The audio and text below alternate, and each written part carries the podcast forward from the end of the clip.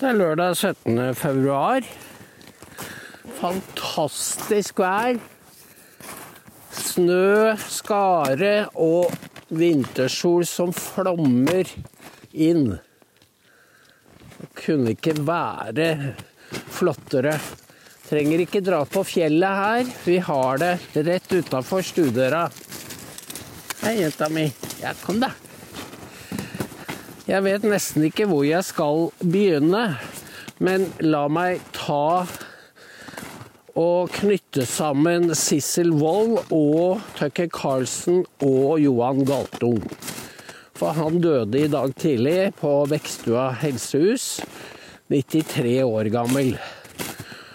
Og Galtung var jo et fenomen for min generasjon, fordi han var da 20 år eldre og var den professorale typen med den eh, Det viste seg at det var litt utstudert, da, dette at han var så sprenglærd, fordi han, eh, han bløffet litt. Men vi syntes det var spennende med en som kunne spidde Washington og Amerika akademisk, med akademisk briljans.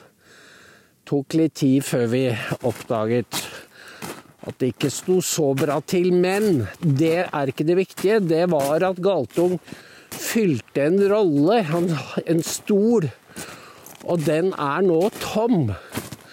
Fordi Galtung var jo ikke alene.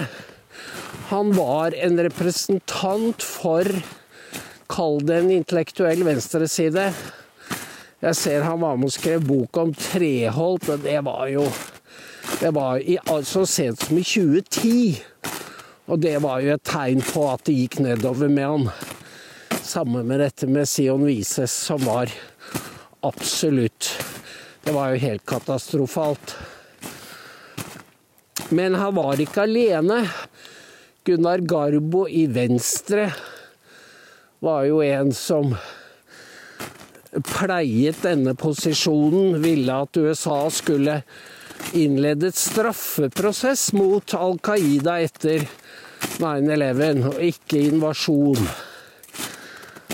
Og du har Noam Chomsky. Og nå hørte jeg nettopp på Glenn Greenwald og, som intervjuet Jeffrey Sachs.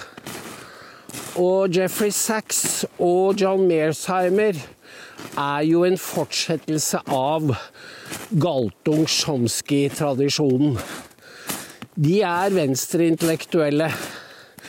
De er veldig gode på å kritisere USA og det militærindustrielle kompleks. Men når det kommer til Israel, så svikter de helt. Da er det folkemord, og jeg vet ikke hva. De har en eller annen blindsone hvor de ikke oppfatter at de blottlegger seg sjøl. For skulle Israel høre på dem og la seg tukte av FN-systemet, så ville Israel opphøre å eksistere. For da ville det få en, en stat ved siden av seg som kun ville være opptatt av å ødelegge Israel. Og det, den, det er noe som heter war of attrition, en utmattelseskrig. Og den eh, Det vil svekke et sånt arrangement eh, som kun kan påføres Israel gjennom et, et fait accompli, altså et, en trussel. Det ville svekke motstandskraften i Israel, og folk ville begynne å reise fra landet. For ville, man ville se skriften på veggen. Så det er helt uaktuelt noensinne. Jeg hørte en meningsmåling sist i denne uken om hvor mange som i Israel som er tilhengere av tostatsløsning. Det er 2% 2 og allikevel så intervjuer Sissel Wold Jossi Beilin, som sier at den hans tostatsløsningen nå er reaktualisert. Det er bare sprøyt. Men det er noe Sissel Wold har veldig behov for å tro på, sammen med enkeltpersoner på venstresiden i Israel. Og i dag så intervjuet hun en kvinnelig journalist som hadde jobbet for Israels TV 2. Og hun var da så deprimert etter 7. oktober at hun ikke har orket å gjøre noe siden. Men eh, hun hadde ork til å kritisere Netanyahu og regjeringen for deres politikk. Eller altså krigføringen. Jo mer de hamrer og kritiserer Israel, jo tydeligere blir det jo at eh, begrepene folkemord er bare helt latterlige. Fordi 7-28, eller for den saks skyld 30 000 av en befolkning på 2,4 millioner, er ikke folkemord. Det hører enhver, det er helt latterlig. Og allikevel så holder de på med dette her. Og i hvert fall en tredjedel av dem er Hamas-krigere. Og de andre er da såkalt collateral damage. For Hamas har lagt opp til at verdensopinionen skulle tvinge Israel til våpenhvile når de sivile tapene ble for store. For det finnes jo ikke tilfluktsrom. Men det gjør ikke den jødiske staten etter det som skjedde. Og det er det er en rettferdig forsvarskrig. Så er det Sissel Jeg så en tweet fra Sissel Wold i dag tidlig. Det var et klipp fra Tucker Carlsen som har deltatt på noe sånn World Government-konferanse. Jeg har sett referanser til den, men jeg har ikke Jeg vet ikke helt hva det går ut på. Men han sitter på scenen med en fyr som kritiserer han for å ikke ha stilt Putin mer kritiske spørsmål, bl.a. om ytringsfriheten i Russland. Og så svarer Tucker at dette er dette er et velkjent tema, eller vi vet at det er ikke noe ytringsfrihet i Russland. Og så sier han at eh, men, men, problemet er at forholdene i USA begynner å ligne på Russland. Dette som vi har vært inne på flere ganger. Og til spørsmålet om å, å drepe, så sier han det er jo Det gjør Putin, og det vet vi at Putin gjør. I USA så har det ikke kommet så langt en, enda.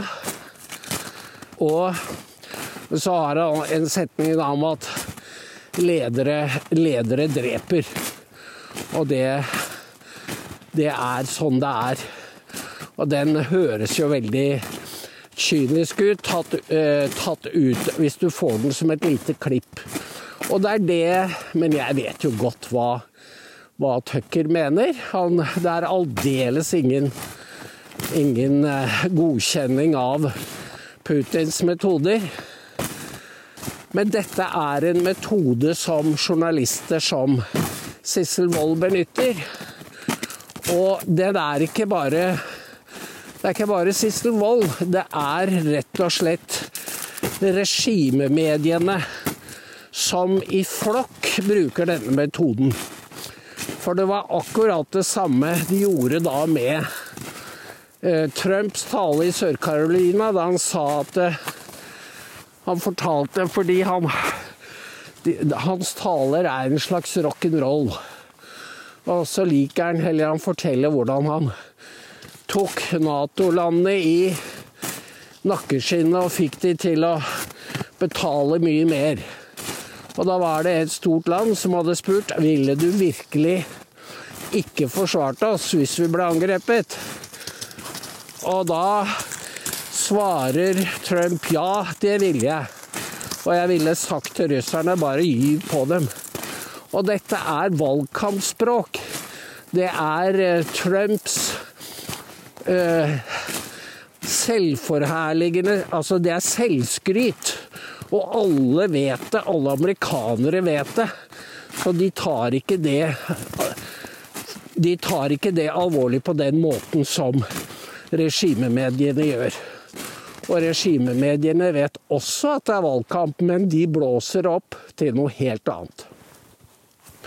Og så brukes dette til å skremme velgerne. Og Barth Eide sa at ja, det er jo Trump som er den store snakkis her på sikkerhetskonferansen i München. Og det de gjør, er jo å hausse opp et bilde av Trump som så farlig at folk vil si da at det ville kanskje ble, være bra om han ble fjernet.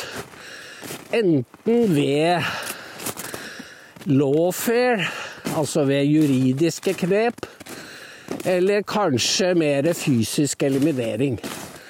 Og da begynner vi å nærme oss Putin-tilstander. For Navalny fikk, hadde 30 år, og Trump vil de dømme til 700 år. Og en dommer, han Engoron i New York, har akkurat ilagt han en bo på nærmere 4 milliarder og forbudt han å drive forretninger i New York. Altså, dette er, som Lars Hedegaard skriver, dette er sovjetiske tilstander i USA. Men ikke et pip i norske medier. De refererer disse dommene som om alt er i sin skjønneste orden. Og da er det vi i Dokument må si at Putin er en morder. Men Biden og demokratene og regimemediene er på vei mot russiske tilstander. Det er bare å se på bruken av sikkerhetstjenestene, bruken av FBI og politiseringen av rettsvesenet. Vi har jo hørt nå i årevis om at det er Polen og Ungarn som politiserer rettsvesenet. Det er jo Men de sier ikke et pip om om hva som har skjedd i USA. Og det er nå så allment kjent at det nytter ikke å påberope seg uvitenhet.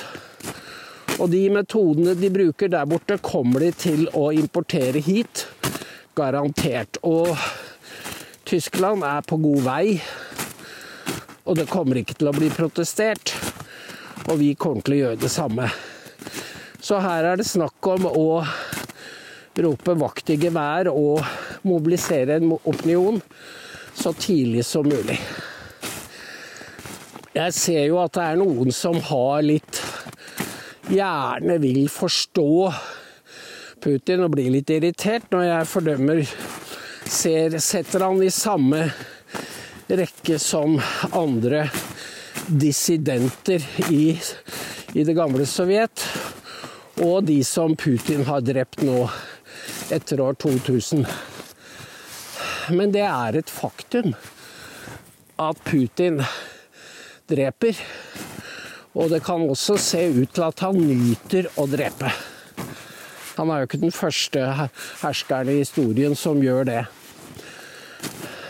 Ja, det med den venstreintellektuelle tradisjonen som nå er ved å gå i graven, det er et studium verdt fordi, som jeg nevnte før, de som før ville svermet for dem, er nå tilhengere av både krigen i Ukraina og den dype staten. De har ikke noe sans for kritikk av det militærindustrielle komplekset i USA, sånn som Jeffrey Sachs og Glenn Greenwald står for. Og det er en viktig forskjell, og jeg tror jo at det fins en utbredt misnøye under overflaten blant norsk, på norsk venstreside med at man har blitt med på denne ferden. Som ikke bare gjelder våpen, men også nå innføring av overvåking og sensur i Norge. Så det skal vi snakke mer om i morgen. Nå peser jeg fælt, for det er faktisk tungt å gå. Det er 13629, og jeg takker for turen. Vi ses i morgen. Takk for nå.